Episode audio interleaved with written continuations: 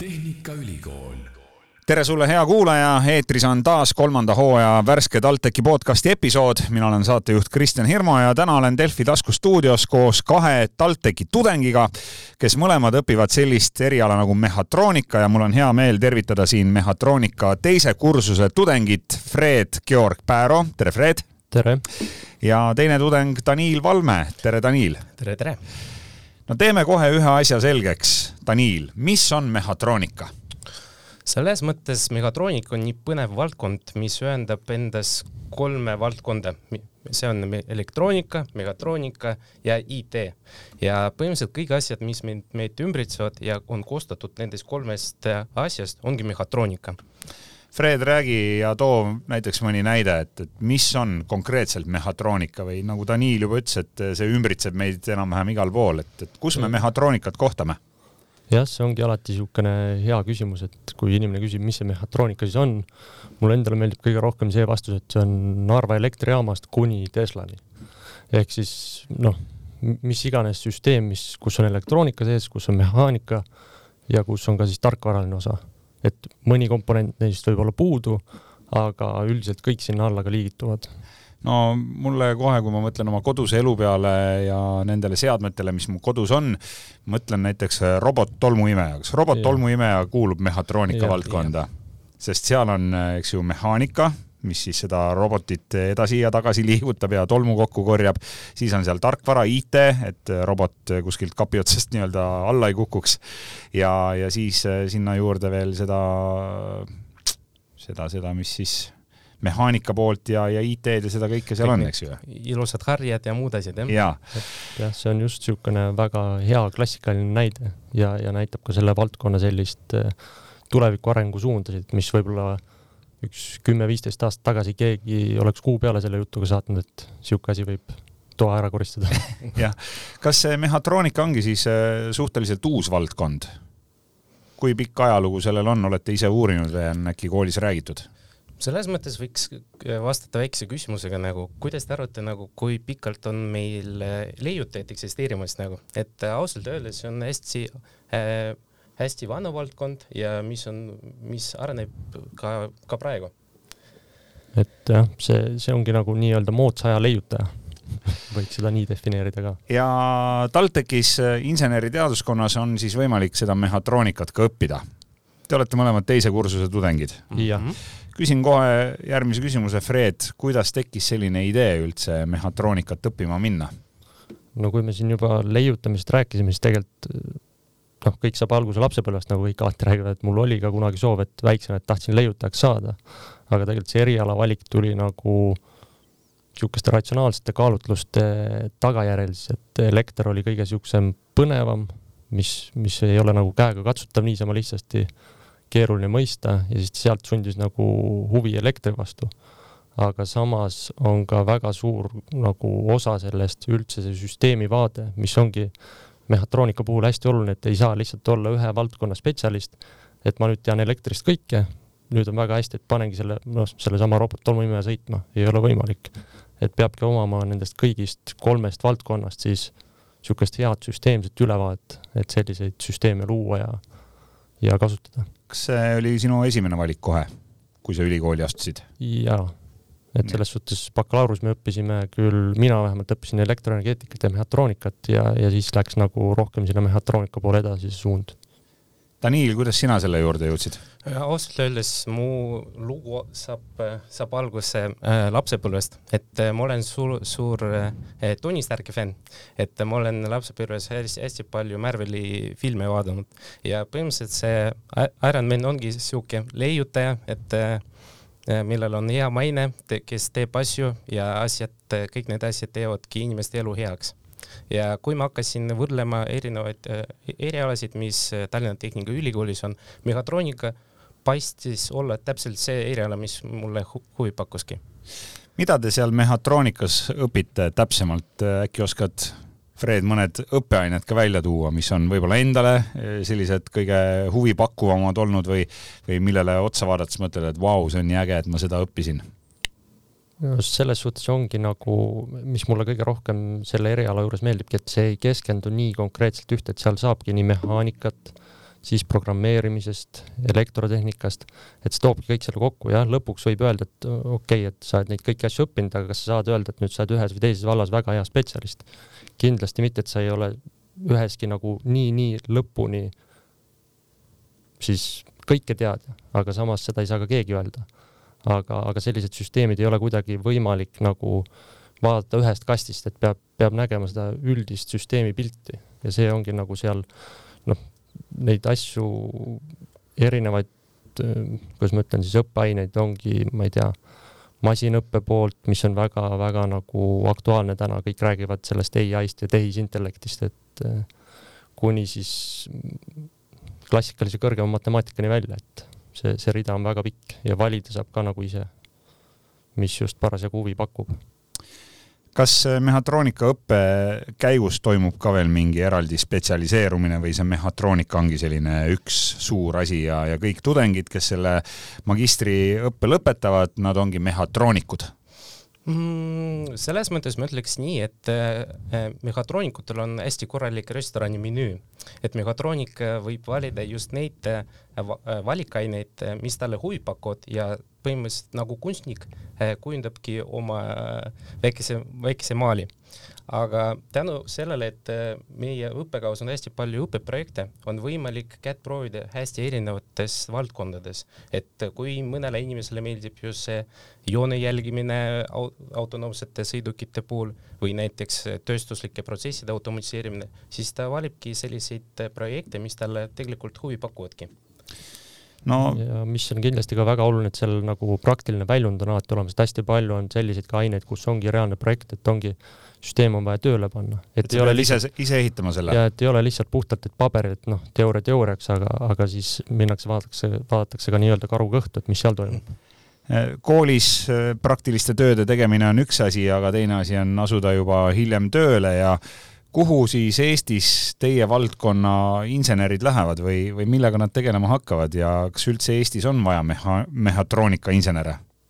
No minu isiklik, nii palju kui mina seda valdkonda olen näinud, et see pigem see, seda hirmu ei, ei ole vaja tunda, et nüüd tööd kuskil ei ole, pigem on vaja seda hirmu tunda, et kuidas kool rahulikult ära lõpetada, et töö ennem kooli segama ei hakka. aga kas te käite juba kooli kõrvalt tööl? jaa, praegu küll juba. Daniil? jah ja töötate omas valdkonnas, et äh, mehhatroonika alal? jaa, kindlasti ja selles mõttes ma aitan äh, väikeste äh, haridusprojektide ülikoolis elluviimisega, et ma puutun selle valdkonnaga päris tihedalt kokku. aga räägime siis natukene sellest kasvõi Eesti mõistes teie valdkonnast ka, et mis ettevõtted siis vajavad mehhatroonikuid? on need tööstusettevõtted, mingid startup'id, kellel, kellel kõige rohkem mehhatroonikuid tarvis läheb? seda võib ka nii võtta, et tegelikult iga ettevõte, mis tegeleb mingil määral siis tehnoloogia poolega, ma ei tea, energiaettevõtted, kõik selline pool, seal on ka näiteks üks äh, mehhatroonika alamaru on automaatika, väga palju, kõik süsteemid, automaatika eriala seal, siis startup'id, mis tegelevad tehnoloogilise poolega, olgu siis nad rohkem suunitletud riistvara poole või ka tarkvara poole, seal on hästi tihti mingit mehhatroonika nii-öelda lõhna juures siis. Et neid valdkondi on tõesti nii, see pilt on nii kirju, et seda, seda seal ongi nagu niisugust kasti on nagu raske ümber teha kuhugi. no kuidas tööturul on, et kui sa lähed näiteks kuhugi töökuulutuste portaali ja sisestad sinna sõna mehhatroonika, et kas siis pakkumisi on? ja ikka ikka ja tegelikult neid on terve rida, et esimene neist ja hästi mainikas on Starship, nad kogu aeg värbavad mehhatroonikuid, kuna äh, Starshipi robot ongi nagu kõige üks säravatest näidetest, sest seal äh, robot peab olema tark robot peab olema vastupidav ja see peab äh, töötama hästi erinevates äh, äh, tingimustest. et jah, selle, selles osas nagu see, see ongi mehhatroonika eriala nagu kõige suurem niisugune, kuidas öelda, keerulisus, võib-olla üldse sellest nagu aru saada üldse, et mis asi see on.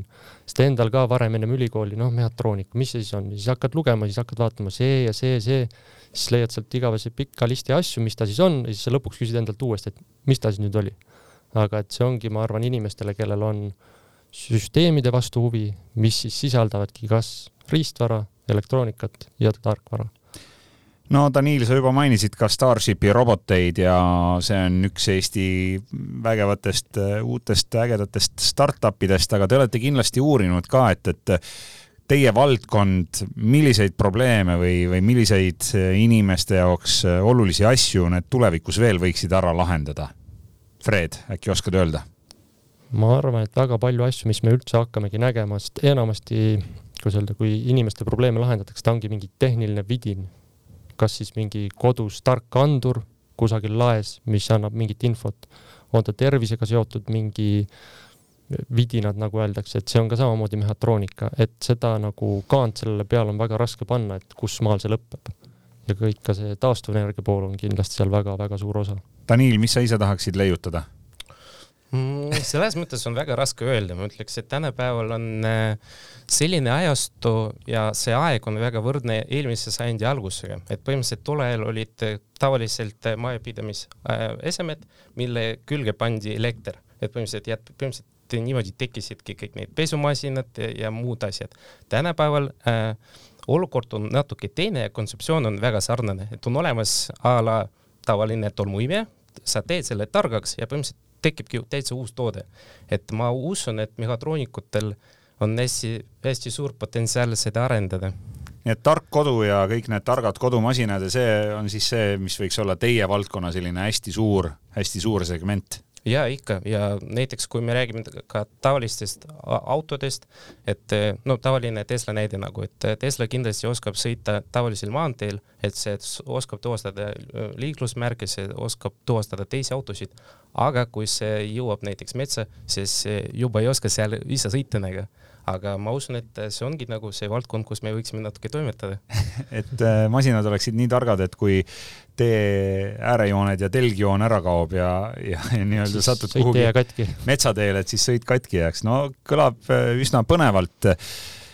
aga mingid suured läbimurded äh, veel äkki olete kas oma kooliprogrammi käigus või, või lihtsalt enda huvist uurinud, et, et millised, millised sellised konkreetsed projektid äkki veel on, mis mehhatroonikas praegu on sellised kõige ägedamad ja põnevamad ja mille kallal tegutsetakse? selles valdkonnas hästi palju eri suundi, aga kindlasti, mis nagu võib-olla väga palju ka meediast igalt poolt eh, tootereklaamidest ja asjadest läbi käib, ongi seesama tehisintellekt ja, ja kuidas nagu seda rakendada niimoodi, et oleks lihtsalt mitte üks tore asi, vaid oleks ka nagu reaalne praktiline väljund ja kasu inimesele no mulle tundub ausalt öeldes selline suhteliselt äh, suur tükk hambusse võtmiseks. kaks aastat magistriõpet ja ütleme siis niimoodi laias laastus kolm erinevat äh, valdkonda, IT, elektroonika ja mehaanika, et, et kuidas üldse tudengid äh, selle kahe aasta jooksul selle nii laia ala ära katavad? või ongi see, et, et sa ikkagi pigem nagu nuusutad igat asja natukene ja, ja lood endale mingeid baasteadmised ja siis selle pealt hakkad sa mingeid süsteeme tulevikus esi-, ehitama või projekteerima? kindlasti sellel erialal ma arvan, on ka natuke see, et igaüks leiab endale mingi selle kindla suuna, kuhu poole siis hakata edasi liikuma, et mitte, et ta nüüd teised asjad täitsa kõrvale jätab, aga, aga seal ongi see võlu, et inimene leiab enda selle kutsumuse sealt seest. ja, ja ka nagu noh, nagu varem sai räägitud, et need süsteemid ei tööta lihtsalt sellega, et kui nüüd elektrik ütleb, et vot, see on nüüd tehtud ja töötab, aga kuidas siis see mehaanika pool töötab, aga samas mehaanika inimene ei tea võib-olla seda programmeerimise osa, et peabki olema üks siis keskne, kes selle kogu kompoti nii-öelda kokku paneb. milline Eesti hetkeseis üldse mehhatroonikas on, et kui me nagu maailma mastaabis ennast võrdleme või paneme siin naaberriikidega joonele, et, et kas Eestis on mehhatroonika valdkonnas olukord hetkel hea või võiks olla parem? no nagu alati asi võiks eh, palju parem olla, aga kui me räägime eh, praegusest olukorrast, siis kindlasti võiks öelda nagu, et eh, kogu valdkond on, äh, areneb hea hooga nagu, aga kindlasti on vaja lisapanust, et sellele natuke rohkem särtsu lisada. ja, et ma arvan, et äh, Eestil on selles suhtes ikkagi üpriski hea seis, et kui vaadata neid maailmatasemel ettevõtteid, mis meil on siin võrdlemisi väikse maalapi peal koos, et see on vägagi muljetavaldav Daniil, sul on ilus roheline särk seljas ja selle peal on aastanumber kaks tuhat kolmkümmend viis ja kui ma ei eksi, siis see on see aasta, kui TalTech peaks olema kliimaneutraalne.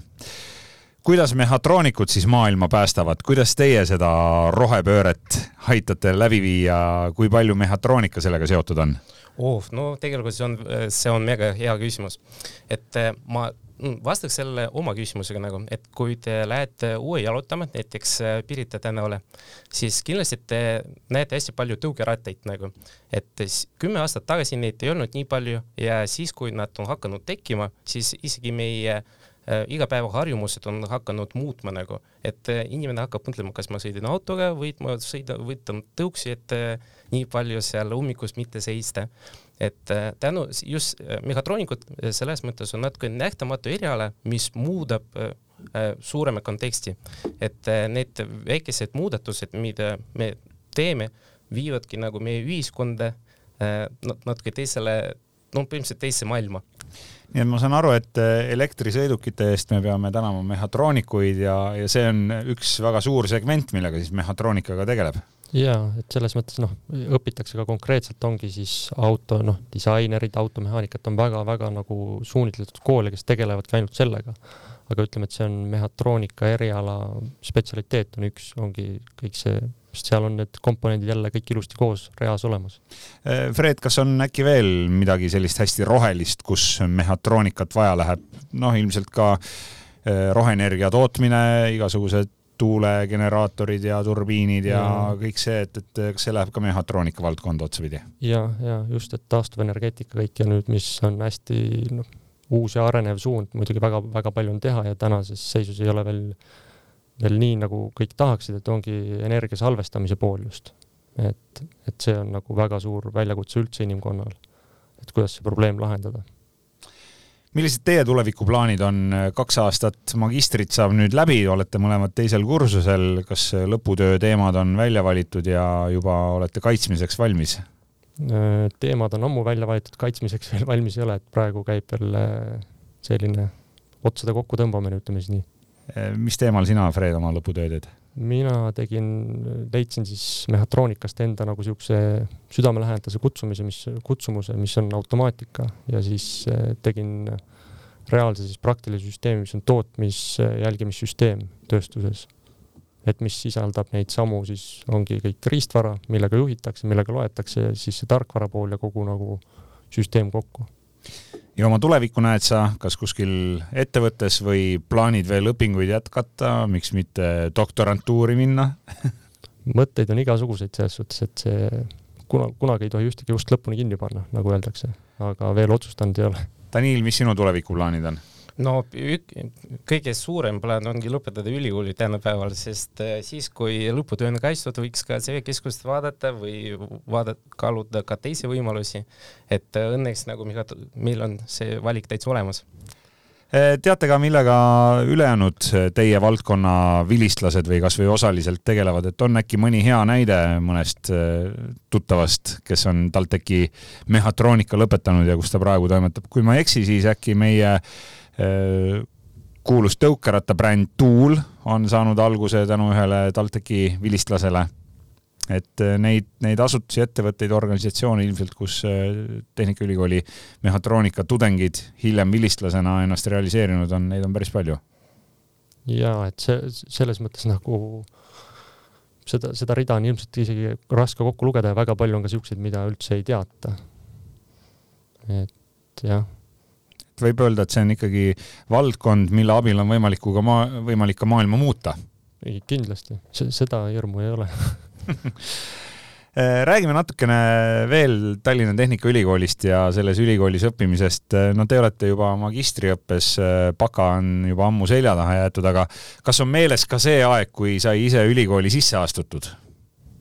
jaa sa, Fred, mainisid juba, et, et äh, sind on leiutamine lapsest saadik huvitanud. Tehnikaülikool tihtilugu hirmutab natukene noored ära, et, et seal on hästi suur roll reaalainetel, matemaatika, füüsika, kõik, kõik see numbrivärk, et äh, kui, kui heaks sa ennast ise tollel ajal hindasid, kui sa Tehnikaülikooli sisse astusid? no reaalained olidki minu nagu lemmikosa üldse, selles suhtes, et see oli nagu lihtsam, aga, aga selles mõttes karta ei ole mõtet, et kui, kui soov ja tahtmine on, siis on kõik võimalik, et see, see ei tohiks nagu ära hirmutada, et kindlasti alguses on väga palju niisugust tugevat reaalainete põhjal adumist, aga see on paratamatu, et seal valdkonnas pärast edasi minna, et et ei ole ühtegi asja, mis noh, et nüüd on lihtsalt nii, ei, kes sellel kõigil on taga mingi põhjus. Daniil, mis sa mäletad oma esimestest aastatest TalTechis? Mm, mu väike soovitus uutele sisuast-, sisseastujatele on see, et mõned ained peab lihtsalt läbi elama, üle elama ja põhimõtteliselt siis asi hakkab sujuma.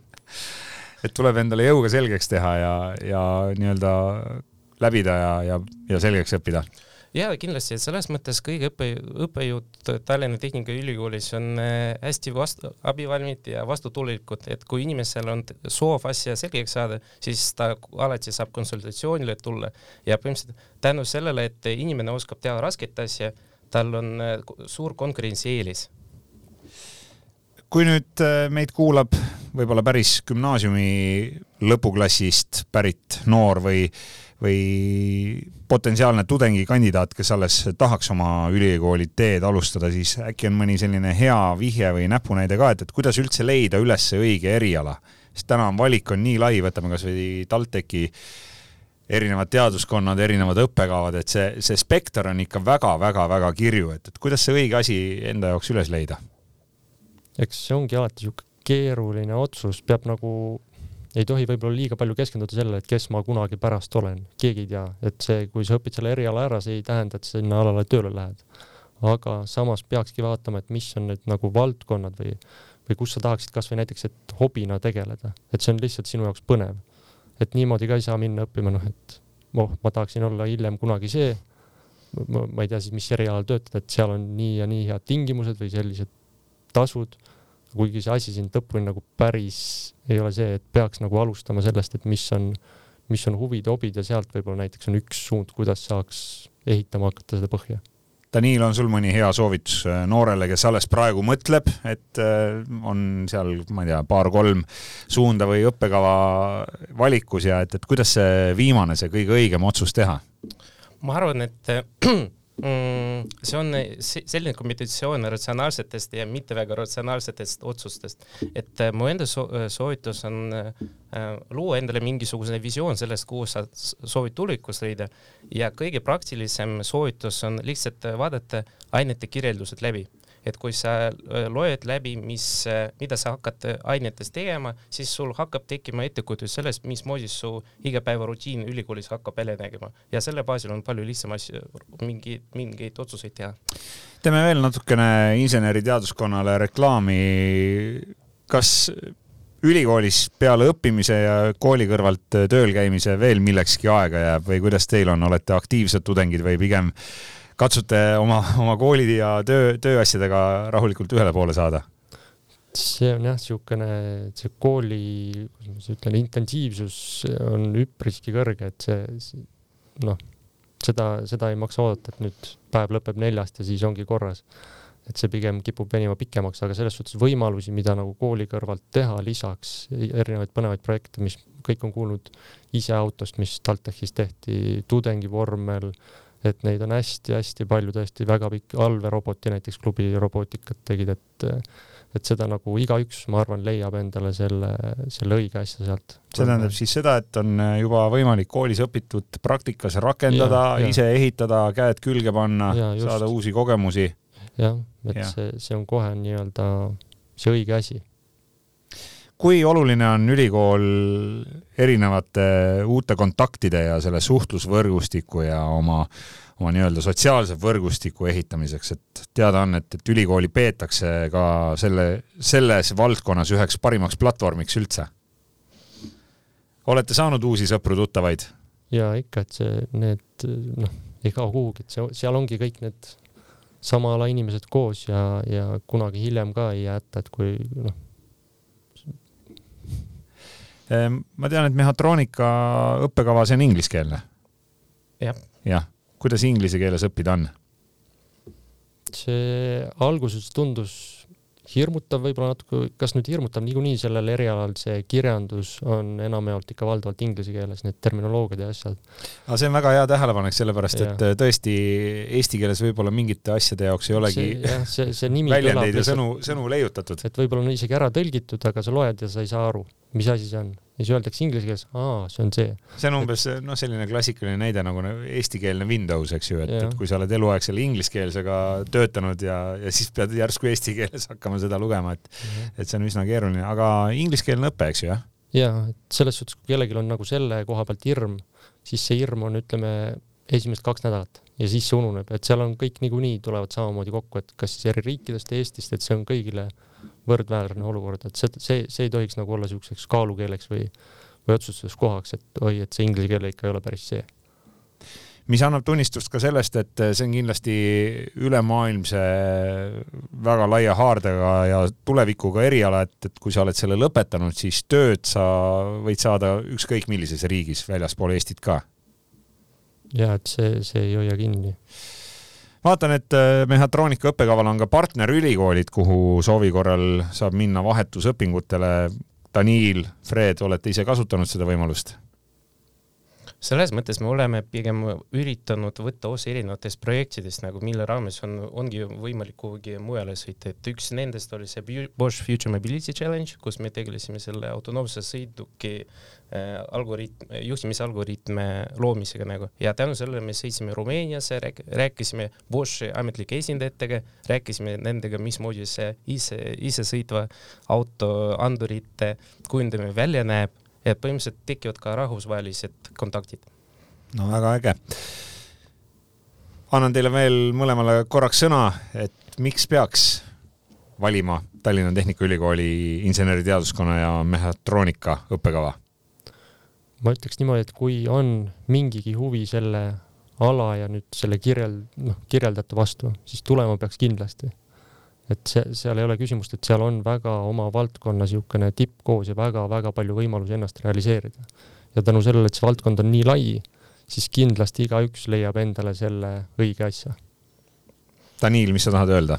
Ma ütleks nagu, et äh, see, äh, see õppekava on äärmiselt praktiline, et inimene saab äh, nii õppida asju kui ka rakendada neid praktikas ja näha, mismoodi asjad toimivad nagu. ma arvan, et iga inseneri jaoks kõige mõnusam hetk ongi see, millal mingi asi hakkab lõppude lõpuks tööle nagu. päriselt tööle hakkab. ja, ja selle juures ei tohi seda ka unustada, et hästi palju noh, peab ikkagi rõhku panema sellele, et nii ohutus kui ka põhjendus, et see peab olema insener-tehniliselt põhjendatud, et kui see on küll väga äge asi, väga äge süsteem, aga kellelgi seda vaja ei ole või see on noh, ühesõnaga kõik. see ei tööta ohutult. jah, et need kõik need punktid peavad läbi olema, sest vastasel juhul see on lihtsalt noh, sama hea kui ei ole no väga lahe ja nii nagu Daniil juba rääkis ka, siis tegelikult eh, mõistlik on enda jaoks üldse võtta ette see õppekava, võib-olla klikkida läbi ka kõik õppeained, lugeda, mis on nende õppeainete sisu ja see võimalus on olemas, kui sa lähed internetis kodulehele teejuht.taltech.ee.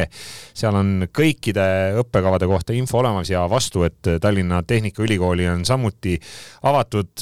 mina olen peale tänase saate lõppu palju targem, mis puudutab mehhatroonikat ja ma usun, et sina hea kuulaja samamoodi ja selle eest tuleb siis tänada TalTechi mehhatroonika tudengeid. Fred Georg Pääro, aitäh, et said tulla täna. aitäh. ja Daniil Valme, sulle ka suur tänu. aitäh, et kutsusid. ja poistele soovime siis jõudu ja jaksu lõputöö kaitsmisel ja head põrumist. jah, suur tänu. ja aitäh sulle ka, kes sa kuulasid ära tänase värske TalTechi podcasti episoodi. kõik need on kuulatavad ka Delfi taskukeskkonnas, lisaks Spotify's ja Apple podcastis ning teistes suuremates rakendustes. otsi need üles, hakka jälgijaks ja nii jõuavad kõik uud, uued saated esimesena just sinuni. mina olen saatejuht Kristjan Hirmu ja me kohtume juba järgmises Tallinna Tehnikaülikooli podcasti episoodis